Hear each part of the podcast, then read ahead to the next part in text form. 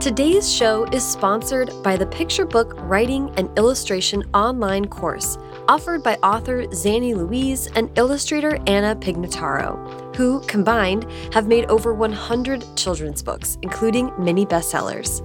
This six month course begins in June and is specially designed to fit around busy lives. Every month is a different module a focus on an aspect of picture book writing and illustrating, which contains videos, handouts, exercises, an assignment, and an interactive session with Zanni and Anna, who are there to give you feedback all along the way. There's also an active Facebook group where participants can interact with and inspire each other. And don't worry if you're less confident with the illustration side of things, the course just offers a chance to witness the illustration process and get a more holistic view of how a picture book comes together. Again, this online course was designed with people's real, busy lives in mind, so participants can do as much or as little of the activities as they like. The month long structure gives participants time to play and experiment, but also maintain flexibility. And you'll end the workshop with a portfolio of artwork, a polished manuscript, storyboard, and final artwork ready to present to publishers. Zanni and Annie are offering First Draft listeners a 20% discount on the online picture book writing and illustration course. To learn more and to sign up with a 20% discount, visit zannilouise.com slash course dash first draft pod. I will also have a link to that in the show notes. And again, that is zannilouise.com slash course dash first draft pod for 20% off.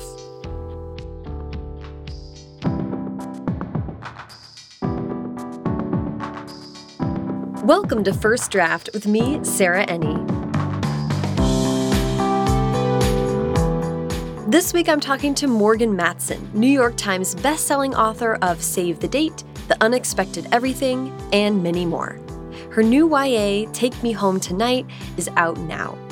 Morgan is here to answer listener questions, and we get into the book she wrote and abandoned before moving on to Take Me Home Tonight, the 90s action movie she has cleverly fit into her all in one night YA friendship drama, how she stays inspired at this point in her career, and we introduce a very special segment, a game show called Schiffs in the Night.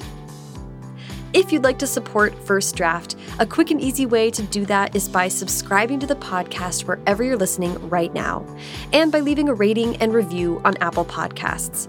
You can also go to the website, firstdraftpod.com, to check out the show notes for this episode and every episode, where I have links to everything that the guests and I talk about.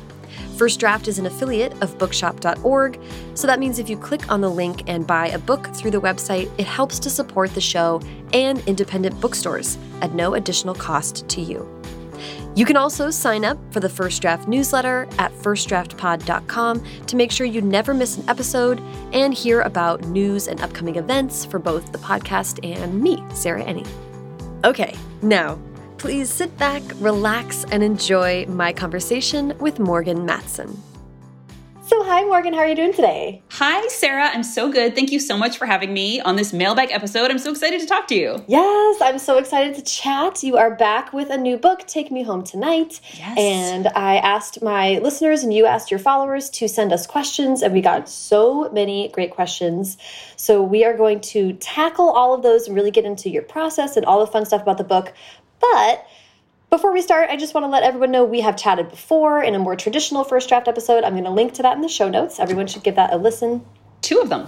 Two of them, yes. Yeah. So people can hear about um, your early writing life and all of a bunch of other fun stuff. And today we're really going to focus on Take Me Home Tonight and fun listener questions. Yay. Um, but before we do that, I do want to have you pitch the book for us, please. So, in Take Me Home Tonight, Kat and Stevie are best friends, theater kids, and polar opposites. They take the train in from the Connecticut suburbs for one night in New York City. They're going to get dinner, see a show, nothing too crazy. At least that was the plan. As soon as they get off the train, things start going wrong. Soon they're dealing with family drama, broken phones, irascible cab drivers, and unexpected Pomeranians. Over the course of a wild night in the city that never sleeps, both Kat and Stevie will get a wake up call, and they'll have to examine what they want for themselves, their friendships, and their future. That is, if they can make it back to Grand Central before midnight. Yay, I love it. Okay, I'm so excited to talk about this book. We're going to use some of the wonderful questions that we got to get into it. Thank you so um, much for um, sending questions. They were awesome. They were such good questions. Let's start with a question we got from the Modern Bookworm. The Modern Bookworm asks, What comes first, character or premise?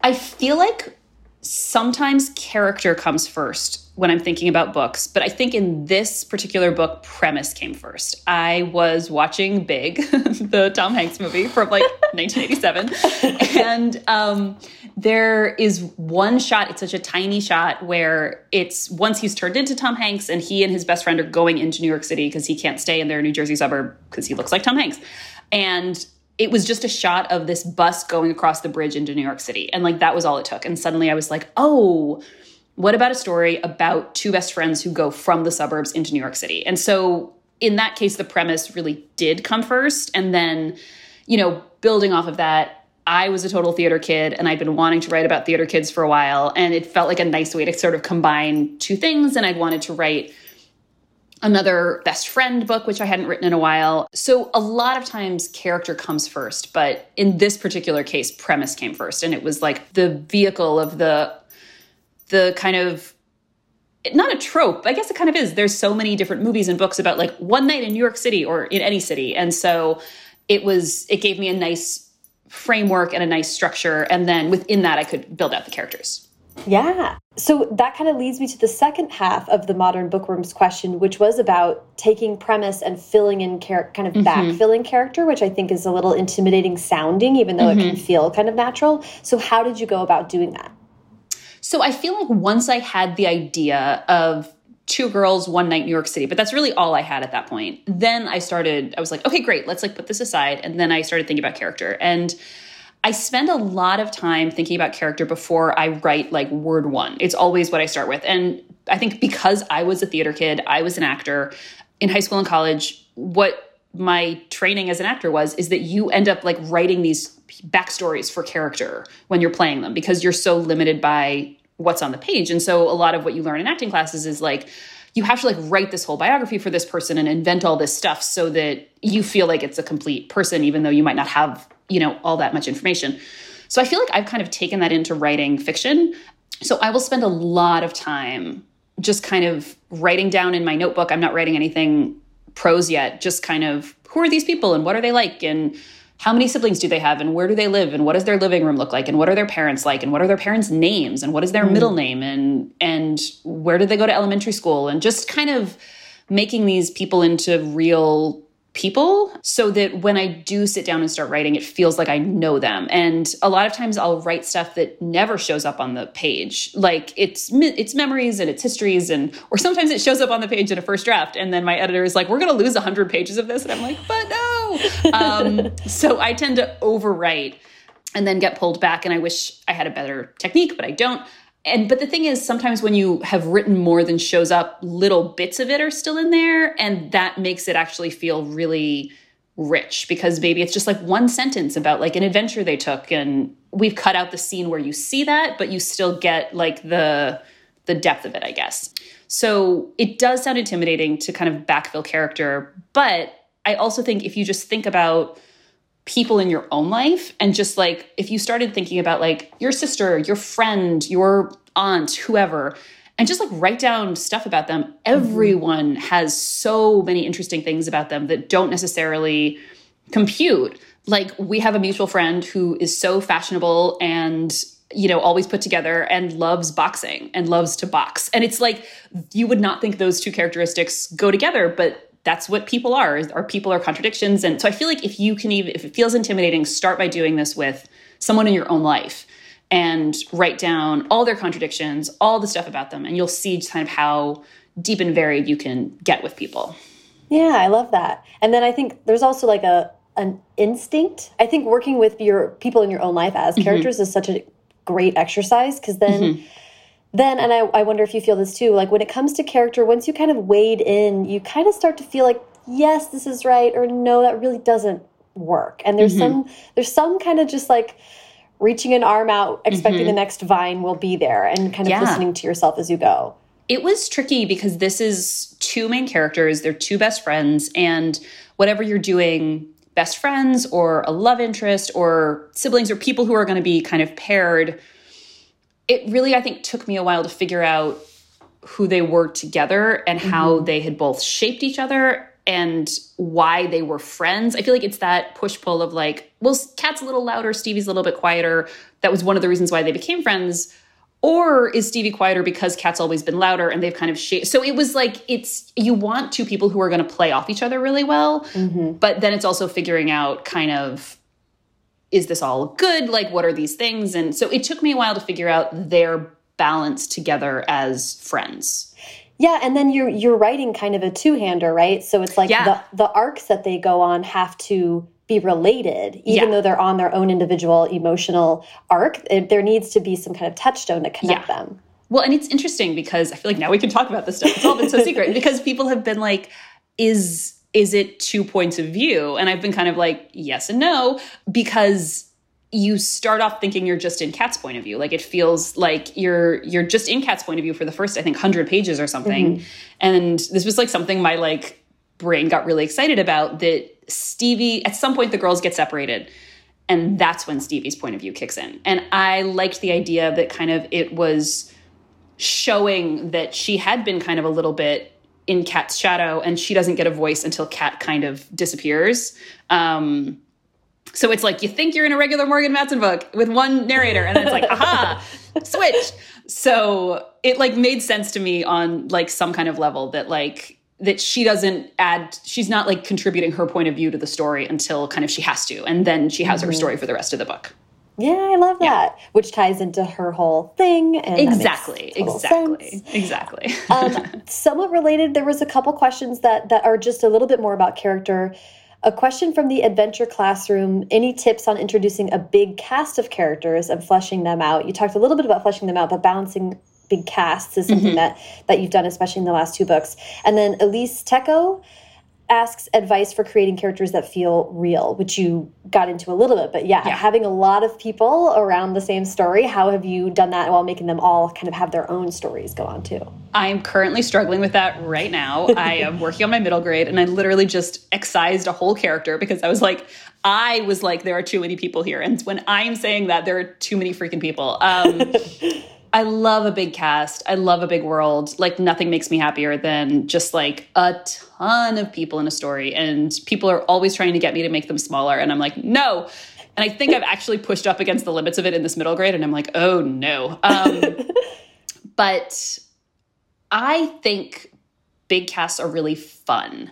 They're it's it's a little bit unwieldy and it's a little bit like herding cats. But if you kind of do the work ahead of time, it can be really, really fun. And what I would say is you want to think about it's almost like a baseball team, I think, in terms of which is uh, like where am I going with this metaphor? Like, like I don't I am not a sports person at all. Um, but uh like I listen to one sports podcast where they're always talking about drafts and like I think if you want to think about like drafting a good team, like people who don't all have the same skill set or behavior set because then it's really fun when everyone's all together. And mm -hmm. I mm-hmm. think uh, when you think about a big cast, I would try and think about people who are going to bounce off each other, people who have different temperaments, who have different points of view, different styles, senses of humor, so that when you get them all in a room together, it's going to be fun and banter and arguments. And um, this is like a really weird reference to give, and I apologize because it's super bizarre. But in the movie Toy Story 3, um, there it. is a moment where Andy has like ended up in Bonnie's room with all her other toys, and you meet like five characters all at once. And because it's Pixar, you know exactly who all these people are within five seconds. And like, I honestly like watch that scene when I'm introducing a whole bunch of people all at the same time because it's like you immediately get like the dinosaur on the computer and the Shakespearean rhino and like and you're like cool I'm good with everyone because they're all so distinct and they're like coming into a point of point of view. But I will say in Save the Date, I helped myself out in that you're meeting people one by one, which mm. is a lot easier than meeting your whole group all together, which is mm -hmm. what is mm-hmm. happening in my middle grade right now. So I think if you're doing a big cast, it can really help to be like, this is this person and and here we are. And then it also helps to then talk about other people who aren't there yet so that when they show up, it's like you've been primed for it a little bit. But yeah, I love a big cast. If if it really is starts feeling unwieldy, like in this middle grade, I kept forgetting to write one person, and that was a sign to me that I had too many people because I wasn't serving all of them. Yeah. And also, I would say you don't have to have them all figured out right away. Like, you want all these people in there for a reason. You can have them in the first draft and then in the revision, kind of be like, okay, how do I pull this out? How do I pull this back? How do I change the dials and and fiddle with that stuff? It doesn't have to be word perfect right away. But uh, if your instinct is for a big cast, I say go for it because it's so fun. And also, not everyone has to be at the same volume. Like, I was listening to something, I forget who they were talking to about Good Will Hunting, I think a podcast. And there's the one friend in Good Will Hunting who doesn't say that much. Mm -hmm. And they were like, there's always a quiet person in a group. Like, not everyone has to be on all the time. And so you can find kind of the right levels of what that dynamic is like. Yeah, well, and, and in Take Me Home Tonight, I mean, I write content, but I also like having a lot of people. So I've really, yeah, you, um, know, uh, you know, I'm like listening, taking notes. Um, but also in Take Me Home Tonight, for example, like the, to, the like Stevie um, and Kat are in a theater program. Mm -hmm. So you so this is like where world building applies to us in contemporary, yes. right? We build worlds. We build worlds, and the, the, world of a theater program can't be small. You have right. to have a lot of people. So yep. there's like a, a, reference to a group chat. We meet a bunch of people. There's yep. Eric, Eric, with a K, Eric with a C. It's yep. all the small details that make it feel very textural and oh, real. Oh, that you're like, they have this entire life, and then this one night in New York is about getting distance from that, totally. thinking about it through a different lens. But I believe in this mm -hmm. life back in Connecticut, and that's huge to have buy-in from your readers. Oh, that's great. Because originally there was a lot more of all that. Because right now the book starts kind of the almost the end of the school day before the on the Friday.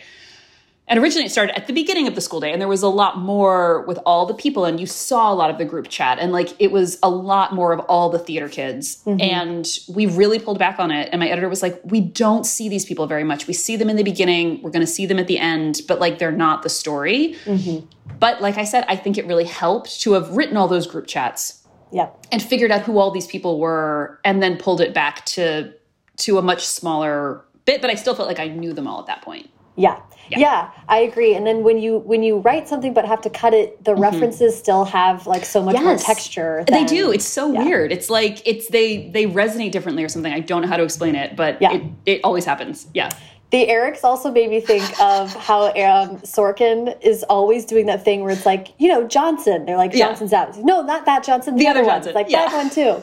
It's like one of my favorite recurring Sorkin bits. I love it because like it feels everyone, real. Yeah, and also like they're like, what about Eric? It's like, no, no, but what about Eric? And it's like, no, yeah. Like, and it's like, it sounds exactly the same. And like, it's, yeah, I'm like, how are they going to do it in the audiobook? Um, oh, man. But, yes. uh, but so yeah, funny. no, it's such a good joke. It's like, no, not Eric, Eric. And it's like, oh, right, Eric. Yeah, totally. As with Sarah, I will say that's happened to me many times, yeah. and everyone just knows. they just know. They just know who you're talking about. Uh, okay, we had some great questions about specific scenes in the book and okay. stuff that you enjoyed writing. So on my book it list, I think it's supposed to be a bucket list pun, and I'm saying it wrong. I'm so sorry. Oh my god, I love on, that. On my I bucket list asks, what was your favorite scene to write? And not VMCG asks, is there a scene or chapter that you're particularly proud of hmm. in Take Me Home Tonight? Hmm. So favorite, favorite and or proud of. Scene. Favorite scene to write. There's a scene that I really enjoyed at a restaurant with a particularly bad waiter. uh-huh. that I had a lot of fun with. It's not like the biggest scene in the book. There's two scenes, I guess. I had a lot of fun with that because like it's two people having a kind of intense conversation punctuated by like the world's worst waiter who like suddenly really screwed up and like all it's like so there's like kind of two scenes going on at the same time. It's like mm -hmm their drama, the waiter did something. Then there starts to be a fallout from what the waiter did. And in the meantime, they're still trying to have their like deep resonant conversation. so like that was really fun. And that is that mistake that gets the the waiter makes is something that happened to my friend in like in high school she was oh, like really? somewhere and was like demanding the one thing and they were like we can't do that she's like i've had them since i was a child and they were like what um That's so funny. Oh my God. That's so funny. Uh, so that was really fun. It was fun to sort of have those two it felt kind of like writing a play. It was like 2 Mm-hmm. people at a table and like things going wrong and like one emotional conversation and you know, so that was fun. And then there's a scene in a dance studio that I really liked writing because that was I felt like I really sort of got to do a swoony kind of magical thing. So one is like very talky and one is very untalky, but I really enjoyed writing both of them. Yay! Oh, And there was another those. there was a second question I forgot. The Yeah, the second question was about if there's a scene or a chapter that you're particularly proud of. Oh. So there is we we're going to talk about this I think at some point, but there's like a whole subplot in the book where it's like you think it's just two perspectives. Haha, it's three. And I'm like weirdly proud of all the Terry stuff. Like it was it was really different for me. It was a big swing. And I'm I'm really kind of proud of how it all kind of came together and that my editor let me write an action movie and put it in my YA novel. Okay, let's dive into that because I have a question that will lead us to that. Okay. Um, this is a question from Petals on Pages, and Petals Everyone on has the best names. Oh my I gosh. know. I'm like, what was I thinking with Morgan M? Like, so unimaginative. I know. I write these things out and I'm like, dang. um, uh, Petals on Pages wants to know Did you tend to favor either Kat or Stevie? And I added the editor's notes, or Terry. Um, I think it really kind of shook out evenly. Kat is a lot of who I was in high school, and I feel like Terry is a lot more of who I was later in life. And so it it felt and obviously they're also fictional characters. Um, we're not just writing autobiography, but so it did feel a little bit like I think it was pretty balanced. I think at one point my editor said Kat at some point doesn't have enough to, like Terry at one point was having enough too much not that she was having too much to do Kat needed one more thing to kind of balance it out and so it was like it was kind of a a balancing act between the two but I think when I first started thinking about the story it it pretty much made sense to me right away that like Terry's issue was really going to be with her family stuff and a little bit of like a past romantic thing, but mostly her Stevie. big arc. Wait, Stevie. oh, yes. What am I doing? Stevie's thing was really going to be with her family and like a little bit of a past romantic thing, but the two issues tied together, and that Kat's was going to be more in terms of her the theater stuff and and she was going to have more of a, an active romance and so mm-hmm. it, it it sort of felt like they were kind of bifurcated from the beginning that they had two very separate journeys and what I loved writing about both of them is I think it's so fun to write two people who go into something very sure that they're right. Mm. Like that Kat thinks she knows what she wants and is this is what the future is going to be and this is how I'm going to do it. And Stevie also thinks she's very sure about her path and what she wants. And then I feel like it's really fun over a course of the night for both people to kind of be like, wait, maybe maybe there's other ways. Maybe I'm not so sure. And then I feel like that's always just a really fun place to start from but I really loved writing Terry stuff. Like it was it was really fun and I I normally write books linearly. Like I start at the beginning, I don't write out of order. I just write. And at some point with Terry, I think at some point I stopped and just wrote all of Terry's stuff at once and mm-hmm. just like had this like 80 to 100 page document and then later was like okay this is where we can slot this in. Because it was so i was like i just have to be in this weird world for a while. And it was so fun. It was really hard because the language in it is different. Like it it's it's me writing an airport thriller basically. So it's in third person. It's very like clipped and it's it's a different kind of writing style which was also really fun to kind of Yeah. take that on. So fun and so um, we don't want to spoil anything I don't wanna spoil but anything. Uh, everyone go get your physical copy because there's fun stuff um, there is fun stuff. It's also just I it felt like it's such a it's such a part of these stories is like the friend left back home and so I sort of wanted to be like okay what happened to the friend left back home like let's see it and I mean, and- it's kind of it's kind of a high jinxy Yes. book. You know, Yes. there's a lot of playing with the tropes that we are, that we've all seen in movies Yeah. about one crazy night and all that stuff. It's really having fun with that. And Yeah. Terry was like such a fun. It was just pulling in so much like really satisfying like movie stuff and TV Oh, stuff good. and those fun books. So I thought it was amazing. well it sort of came out of when I was writing the Kat and Stevie stuff I kept wanting to do a slightly bigger more cinematic like and then they get the wrong jacket and run afoul of the mafia. And then i was like that's not the book i'm writing. Like it's i'm writing a book about like a girl and her dad and like a girl and this boy in a theater. And it so but i wanted to service that instinct somewhere. Like mm-hmm. i wanted that cinematic craziness we want from a crazy wild night, but I didn't think it would work with my two main characters who have these like emotional arcs they need to have. Mm -hmm. So it was a way of kind of being like, oh, I can have my cake and eat it too. Like I will, I will have the friend back home in Connecticut have sort of more of these like cinematic adventures. There's so much I want to ask about that that we can't for spoiler reasons, but I will talk to you about that offline. Yes, off mic. Yeah, it was such a blast. Oh, I, I love Terry so much. Um, oh, good.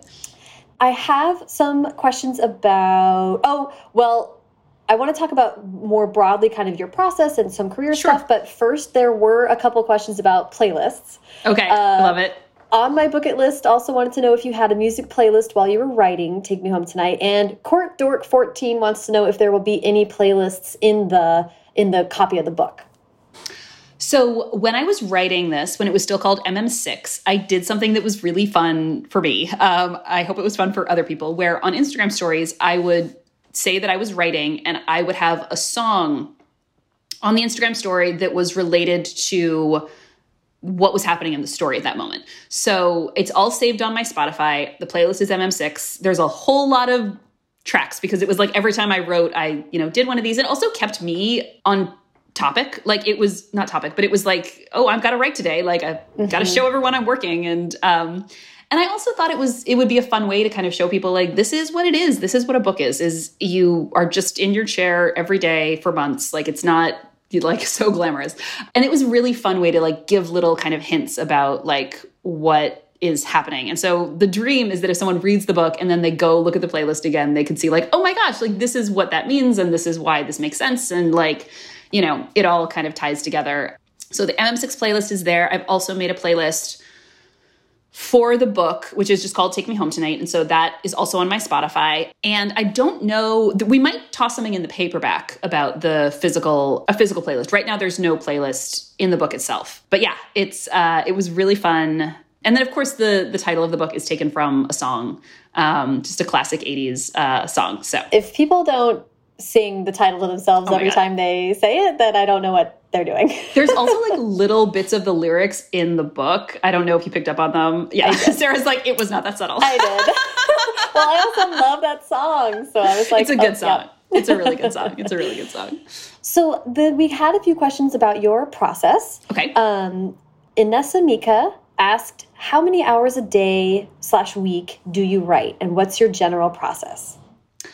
I don't tend to count it by hours. I tend to do, I'm very into my word counts. Mm -hmm. And Sarah is a wonderful friend who loves spreadsheets and made me an amazing word count spreadsheet that I have used like three times. And I'm like, I need to go back to my Microsoft Word analog way of doing this. So for every book I write, I keep a document that I usually just call schedule. And I have the date, how many words I've written that day, and if I finished a chapter or not. And it's, I find this really helpful. I, usually aim for about 2,000 words a day when I'm drafting. And that's solely because in Stephen King's On Writing, which I read in college, he talks about writing 2,000 words a day. And so I was like, okay, that's what you do when you're a writer. I also write really long books. So a lot of my friends are like, 2,000 words a day. I'm like, that's, but I have so many words to cover. And so many of them are nonsense. Like it's not like i'm writing like super precise books. It's like people having like endless digressions about like superhero alliteration names. So that's sort of what my happy place is. And sometimes it's like 2000 words a day. It like goes really fast. It's like that was amazing. And sometimes it takes all day. And so that's kind of my baseline. And then as i get closer to the end i start writing a lot more.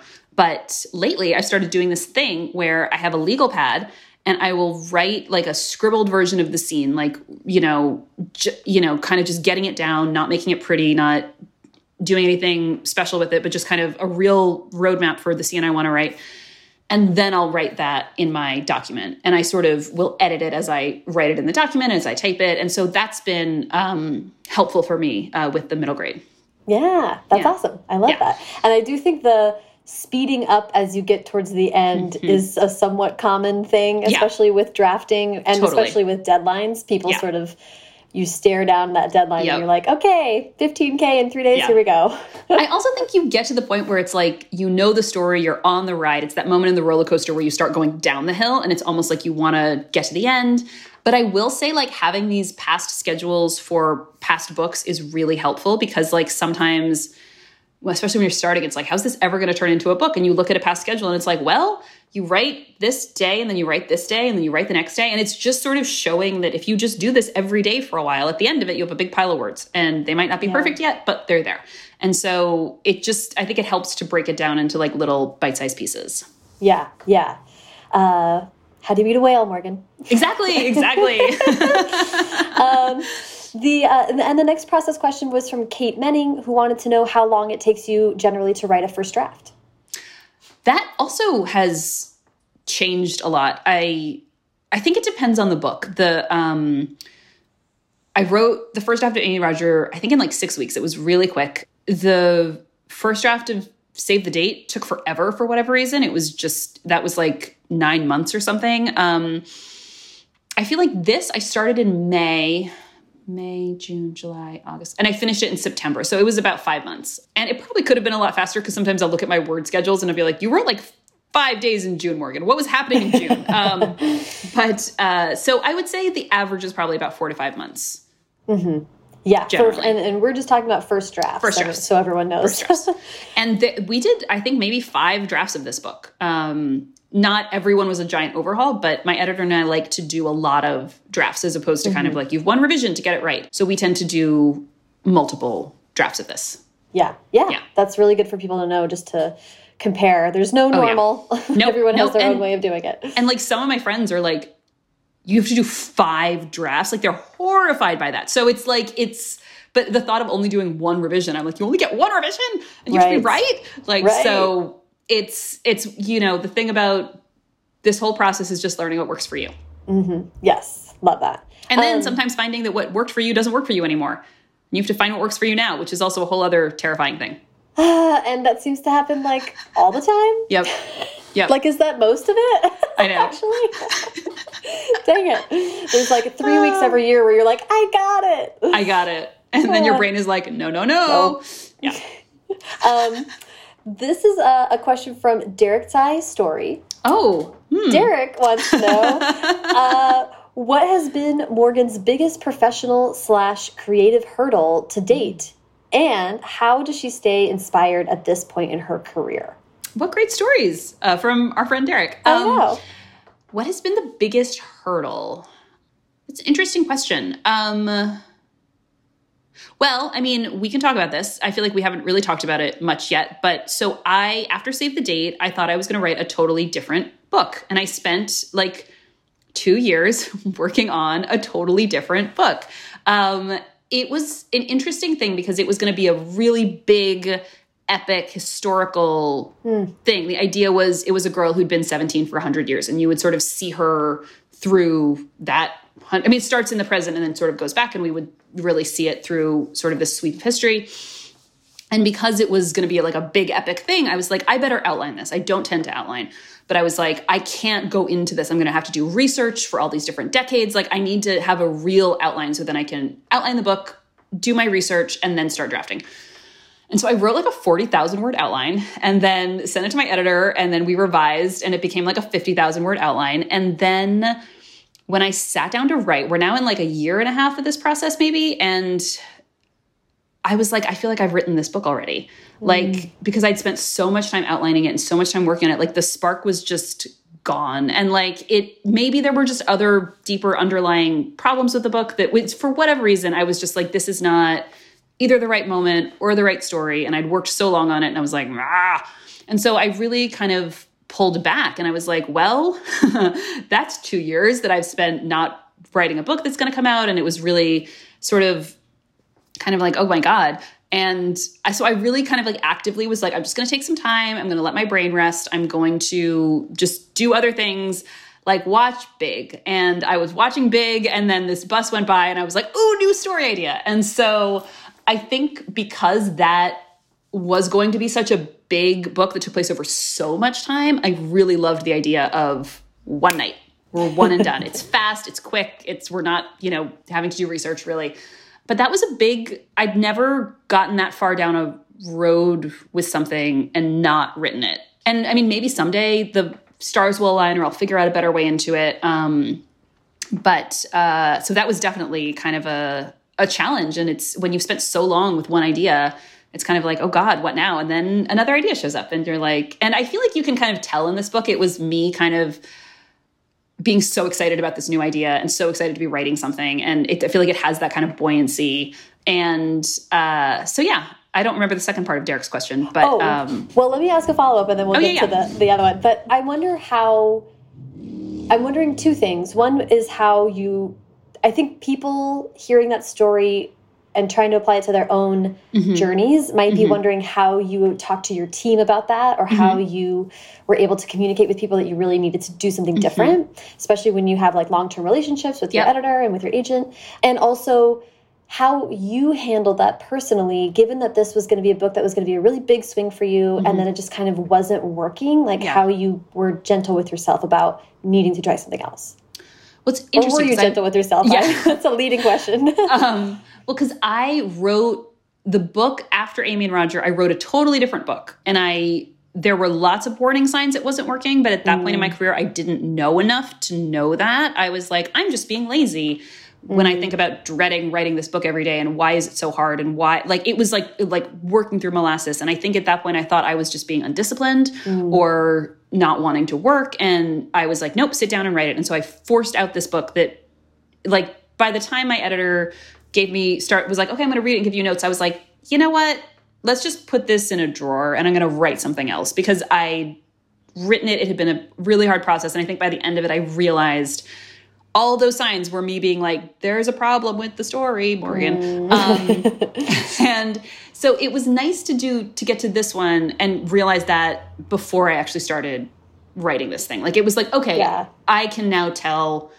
because I did try and start to write that big epic book and it wasn't it was just not happening and I knew enough now at this point that I was like, okay, like there's mm -hmm. there's like fundamental cracks in this foundation. Let's take a step back. And so I think the lovely thing is like everyone at Simon & Schuster is amazing. My edit my agent is amazing. My editor is wonderful. And so I think they've always been so great. I mean, even when I was like, I want to write a giant historical epic thing, he was like, cool.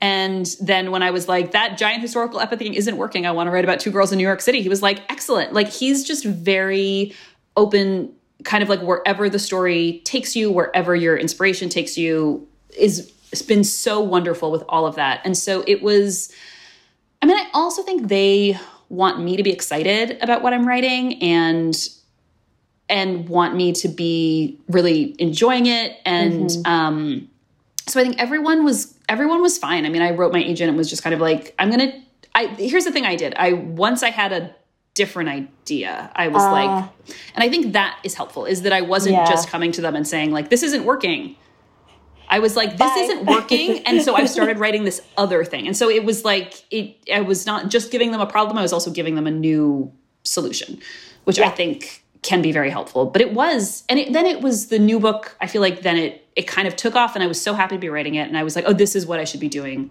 mm. right now. And I'm not saying that someday I won't go back to the other story. You never know. But everyone was great. Like it was, it was, I think also your, your team can tell when you're really into something and excited about it and um, yeah. you know that's what they want to um, i think also when you're in the business of helping writers bring projects yeah. to fruition the thought i can imagine your editor being like if it's not fun when you wrote the first draft exactly. how much fun is it going to be for you when i have notes about this like exactly and also how much fun is it going to be to read like i yeah. feel like you can you can really kind of feel i think sometimes what an author's journey is when they're writing it and when i was getting exhausted thinking about writing this other book it was like this isn't the right book for right now or yeah. this is whatever it is it just wasn't um it wasn't working. And then the new one i was always so excited not always but so excited to sit down at my desk and to you know get to explore these girls in this world and this and so i think you can tell that i'm i'm enjoying having like a fun fast-paced night in new york it's also it's fun fast-paced. There's so much in it that um, i know because i know you as a person that i was like this is very fun for morgan to write and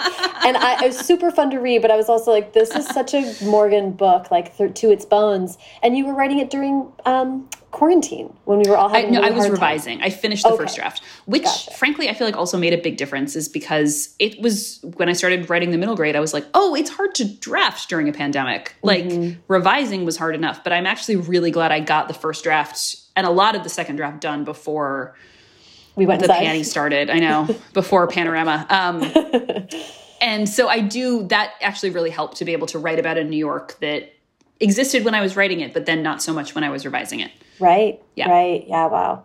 Um, oh, and the second part of Derek's question was uh, how does she stay inspired at this point in her career? Well, it's interesting what you just said about how you could tell this was a fun book for me to write. I feel like mm-hmm. you have to do that for yourself as a writer. Like it's just you at your computer. You need to make it fun for yourself. Like it- mm-hmm. there's so many like inside jokes with myself and with my friends and like with my theater friends from high school in this that like you have to give yourself those little Easter eggs because it just makes it more fun for you as you continue the story. And I feel like I've never I feel like it's when you find the right story, I feel like there's there's nothing more inspiring about that because you're kind of chasing it down and like, oh, who are these people and what are their arcs? And you know, I feel like I mean, I hopefully I will never have a moment where I'm like, I'm feeling so uninspired because I feel like whenever you get a new story, and like right now I'm I like I have MM7, the next YA kind of like bubbling in the background and um and that's so fun, especially in the beginning when it's all just like shiny, new All Excitement. potential. Yeah, exactly, Yeah. exactly.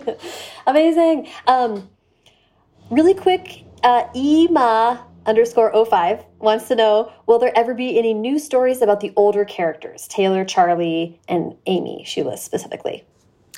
Well, there, if you, I feel like by the time this comes out, it's too late. But um, if you pre-ordered um, the book, you're you will have had a novella about the Grant family and Charlie. And if you did that, you could read that, and we might put that out in some form for people to to buy as an ebook or something. We're still talking about that, but that's definitely a possibility. I have no real plans to do follow ups, except if you have read my books, you will know that one of my favorite things is to have cameos and check in on other people. And so there are two. With this one, I don't want to spoil anything, but there's, I wouldn't even call them cameos. Like two people from past books are like characters in this. Hmm. And and that was really fun to get to check in on them. So part of that question will be answered if you read Take Me Home Tonight. Amazing. I love that. That's perfect. Um, and then also uh, salty, salty Sarah C, which I love that. Is that you, Sarah? It's Is that secretly not you? secretly me, but I'm so jealous. I wish I thought of it. Um, wants to know what are your plans on release day? And I feel like this is a great question. I love asking authors if they have plans to celebrate. You know, this is far from your first rodeo. It's Yeah. uh, but how or are you planning on making that a special day for yourself? That's such a great question. I hadn't even thought about that. And it's, you know, in years past, I always have an event on release day. I'm usually on tour. I love to tour. It's one of my favorite things about being a writer. I love meeting people. I love um, meeting people at bookstores and signing their books. And everyone gets mad at me because I talk to people way too long. And I just want to talk to people in line and sign their stack of books and chat with everyone. And so I've never really even had like a book party because I've always been away. And then it never really feels like the moment like you come back two weeks later and it's like, hey, let's do a party for that book that came out two weeks ago. And everyone's like, what? um, so this is the first year, I think, since the first book came out that I won't be on tour. Wow. Um, I know. So I have some virtual events that I hope everyone will come to. And then we'll just see. Um, there's a p- possibility I might be on a writing retreat with some friends when the book actually comes out. So that would be really fun. But uh, I don't know. I should make some plans, huh? Hey, Clearly. but- yeah, that's. I mean, that's an interesting thing that I want to remember. I'm reminding myself to ask people about that because it's like we we uh, work really hard for a long time with no no reward or no. It's external um, yeah. Thumbs up. You know, and then when release day comes, it's important to be like, this is a special day. totally. You have to mark it. Yeah, yeah. Yeah. Um, can you just ask? We got a great. Uh, I just want to talk about the the middle grade novel, which I, th- I think, if I have the timing right, will be the next thing that we see Yes. from you. Yes, it Okay. should be. Uh, Michael Ness wanted to know what inspired your upcoming middle grade novel. I'd love to just hear anything you can tell us about it. Uh, well, I love middle grade. Like it's it's it's one of these things that I I read a lot, and some of my favorite novels ever, full stop, are the Penderwicks, uh, the five Penderwicks books, which are just like the books of my heart. And there, there's basically like I got the idea from something that happened to my niece, who's now nine. And a few years ago, something happened with her and her dad and her grandparents. And I was like, huh. And it sort of like sparked a little bit of an idea. And I'd always wanted to write a middle grade, and I'd sort of been casting around for ideas and kind of like, oh, someday I'll write that because I love the genre so much. But it never felt like the right story. And then I, th this thing happened with my niece, and suddenly I was like, oh, oh, maybe that's the story. And suddenly it felt like a real, that was the story. And it, it was just that I think until that moment, the right story hadn't kind of presented itself. Uh, and obviously, it's heavily fictionalized. But, and then also during quarantine, it was really fun because I was reading to my niece every day. It started in lockdown where I would read to her for. I was I read her the Harry Potter books and we I mean we just it's so every day because she was locked down I was locked down so I got to read so much more middle grade with her and so that was really fun I kind of got to soak in it and then it was pretty early in the pandemic. I think it was like March or April we sold this. And it was just, it sort of just came out of all these different things of loving middle grade and then reading a whole lot of it and then um, having this inspiration for an idea. So, Yay. so yeah, so that uh, has been a lot of fun to be working on. Yeah, I love also reading out loud, must have been such a it's one thing to read a bunch to kind of soak mm -hmm. it mm-hmm. in, and another thing to it, not read it out loud and mm -hmm to a middle grade yes. person. well, and it's so fun because it was it was just fun to be reminded. Like the second you finish a book with her, she's like, "Is there another one?" Like kids that age love series and they just want to be in a world. And like, there's no such thing as too many books in a series for her. And so it was so fun to see how much she loves to kind of like get in these worlds and swim around in them and so that was really fun. Uh, but it also made me very aware of dialogue tags because I just started taking them out when I'm reading out loud because you realize how little you need them. And I am, mm-hmm. I have dialogue tags everywhere. It's always he said and she said. And I was like, oh, you actually don't because I'm mentally just taking them out as I'm reading this out loud. And so mm. I'm going to try and be better about that in the future. Ooh, that's so interesting. I like that. Yeah. Um, well, Morgan, I now have a uh, segment that I have okay. prepared for you that oh I, did not give you any heads up ah! about that I'm so excited to introduce. I'm so scared. This is a segment I'm calling Schiffs in the Night. Oh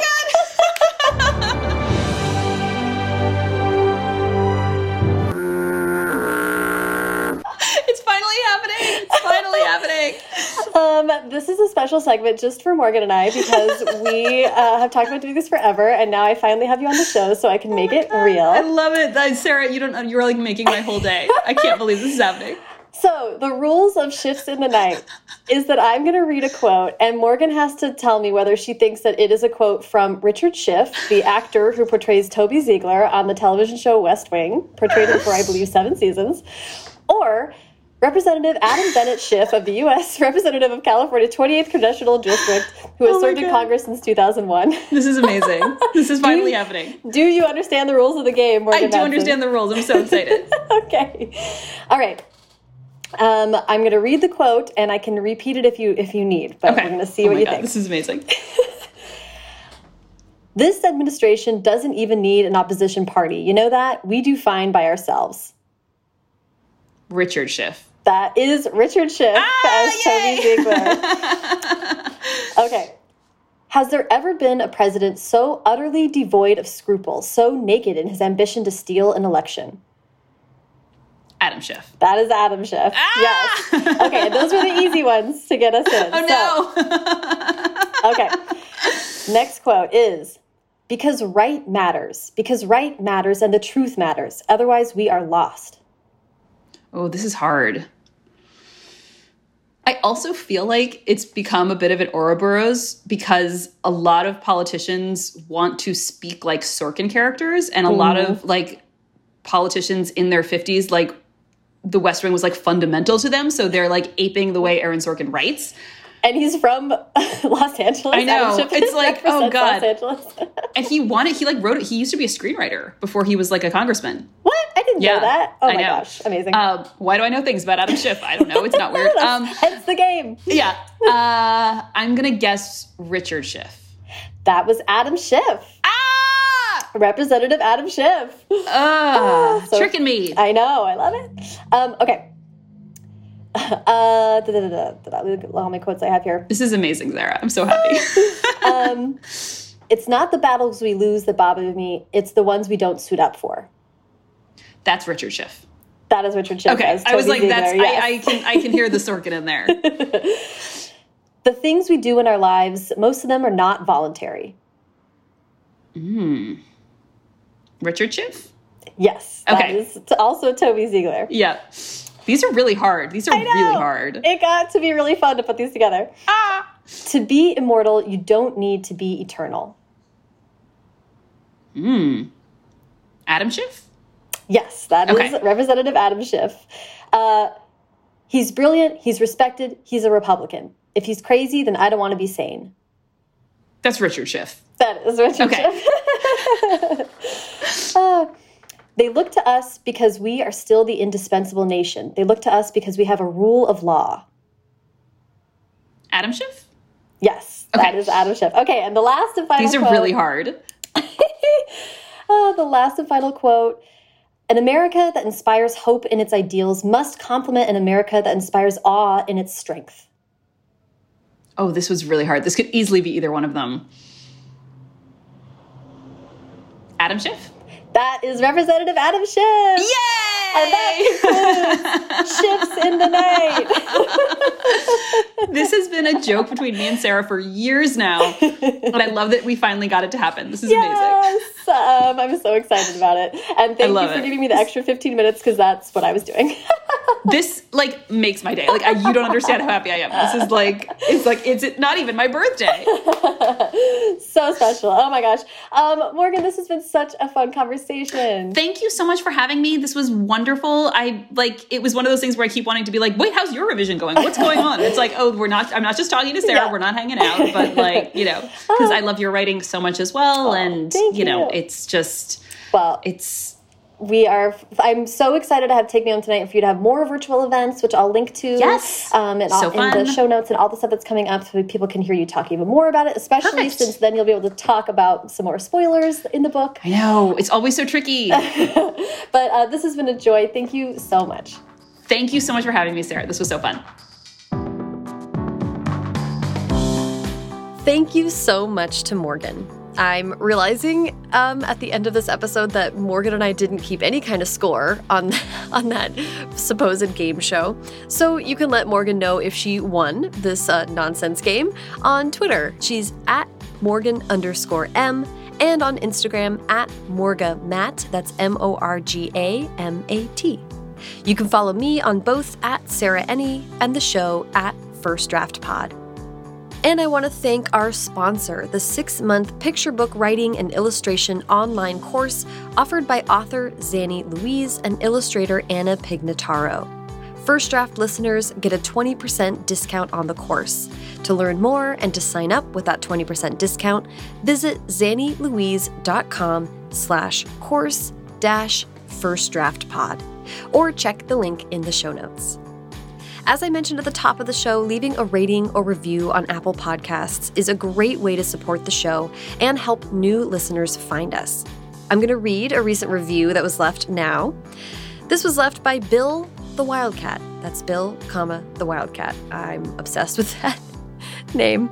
Uh, Bill the Wildcat says, solid writer discussions. Sarah does a nice job balancing the conversation to get good writer advice from her guests while keeping things conversational. People who are passionate about the written word will enjoy this podcast. Bill, I think you're right, and I so appreciate you taking the time to leave that review. A lot of people lately have been leaving ratings, five star ratings, which I couldn't be happier about, but I would love to give you a shout out and, um, you know, have a wonderful thing to, to say. I like reading the reviews uh, in the credits here, so leave a review. You'll get a shout out on the show, and, um, and I really appreciate it. Be like Bill. Be like Bill the Wildcat. Leave a review so I can say your name and enjoy it. First Draft is produced by me, Sarah Enni. Today's episode was produced and sound designed by Callie Wright. The theme music is by Dan Bailey, and the logo was designed by Colin Keith. Thanks to social media director Jennifer Nkosi and transcriptionist at large Julie Anderson. And as ever, thanks to you, Sorkin inspired political speechwriters, for listening.